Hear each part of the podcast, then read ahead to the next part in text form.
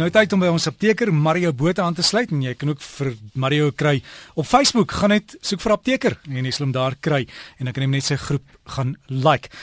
Maar ons gesels vandag 'n bietjie oor Mario, ek weet nie of ek dit armoede kan noem nie, maar hoe om te spaar op medikasie. As jy siek word, jy hoef nie die duurste medikasie te koop nie. Nee, jy hoef nie. Hallo Derek, ek weet wat jou boerpot liedjie as ek dit mag sê. Ek mag nie deelneem nie.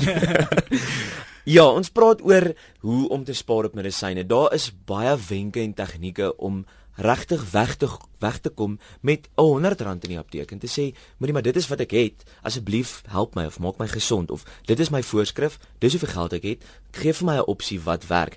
Kom ons praat gou oor wat is 'n generiese medisyne en mense moet versigtig wees. Dis nie geneties nie. Geneties beteken DNA. Dit het niks daarmee te doen nie. Generies beteken dit kom van 'n patent af. Patent het verval van 'n oorspronklike medisyne en 'n generiese maatskappy het vir hierdie ou gesê ons wil jou patent oorkoop wanneer dit verval. En dan gee hulle eintlik maar hierdie resep vir hulle en daai resep word gevolg om dit dan baie goedkoper na te maak. Dit word nie met goedkoop medisyne nagemaak nie. Al daai navorsing is reeds gedoen. So hierdie generiese maatskappy spaar verskriklik baie op die ontwikkeling en die navorsing en die kliniese toetse van 'n generiese maatskappy en hulle kan dan dit regtig maar soos die Engels sê dit regtig kopie en dan maak hulle 'n spieelbeeld van hierdie medisyne en dit is dan baie goedkoper en ons kan dit verkoop dan aan die publiek teen 'n goedkoper kos. So ek kan my dokter vra, dokter, my begroting laat dit nie toe nie, maar is daar 'n generiese middel? Jy kan, jy kan absoluut of jy kan hom vra, is daar 'n chemiese alternatief?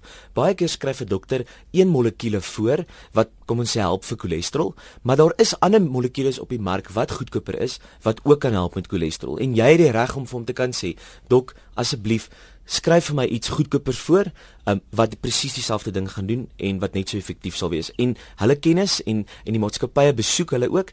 Hulle weet wat se molekules is in die mark sodat hulle 'n beter en goedkoper alternatief vir jou kan gee.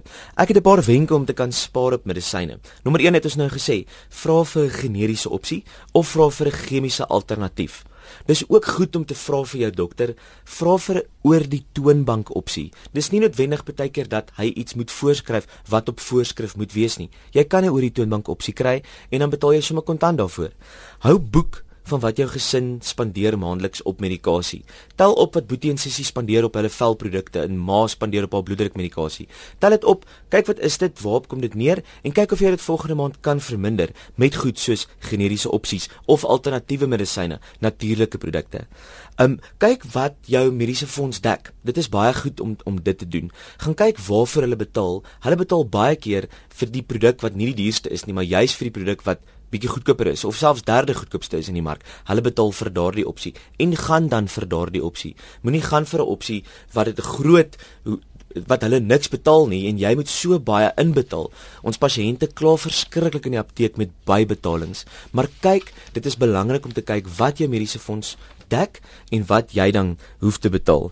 Registreer jou kroniese toestand by jou mediese fonds. Dis baie belangrik want 'n mediese fonds het kroniese opsies waar hulle dan hierdie kroniese toestand dek en ook dan die medikasie van hierdie kroniese toestand dek. As jy nie jou kroniese toestand geregistreer het nie, gaan jy dit uit jou sak uit moet betaal. Dis baie belangrik. Sluit aan dan ook by 'n beloningsfonds. 'n Beloningsfonds beteken dit is 'n winkel waartoe jy gaan. Hierdie winkel en jou mediese fonds het 'n kontrak en hoe meer jy spandeer by hulle, hoe meer punte of bonusse of geld kry jy dan terug. Ons almal behoort aan beloningsfondse. Dan kry ook sluit aan by 'n aanvullerspolis en dit in Engelse praat van 'n gap polis. En hierdie gap polis beteken in die hospitaal wanneer ons um, hospitaalprosedures moet ondergaan en ons mediese fonds betaal nie daarvoor nie, kan hierdie ekstra polis dan daai aanvuller doen vir jou. So gaan op die internet, gaan soek vir 'n gap polis of 'n aanvullerspolis en kyk wat dit, wat hulle kan dek. Dan laaste praat As jy nie gaan praat in die apteek nie, gaan ons nie weet dat jy afslag soek of 'n alternatief soek of 'n generiese middel soek nie. En laastens, vra jou dokter vir afslag baie van ons dokters werk teen 'n tarief en daar is 'n speling om te kan vra vir afslag. So, ons hoef nie noodwendig hierdie duisende of miljoene rande te betaal aan mediese kostes nie. Dit is jou reg om te kan vra vir afslag en dit is jou reg om te kan vra vir 'n generiese opsie. Mario, jy het nou besonderhede daar waar mense jou kan kontak. Jy het e-pos? Ek het e-pos, dis mario.m.botha@gmail.com en dan as jy my nie daar in die hande kry nie, dit is baie makliker om op Facebook soek net apteker, sluit aan by die blad en dan kan ons lekker boodskappe oor en weer uit. En onthou waaroor ons gesels, die beste is die dokter ken jou, so bespreek dit ook met jou dokter en gaan vra raad by die apteker. Mario, alles van die beste en lekker naweek. Dankie vir jou ook.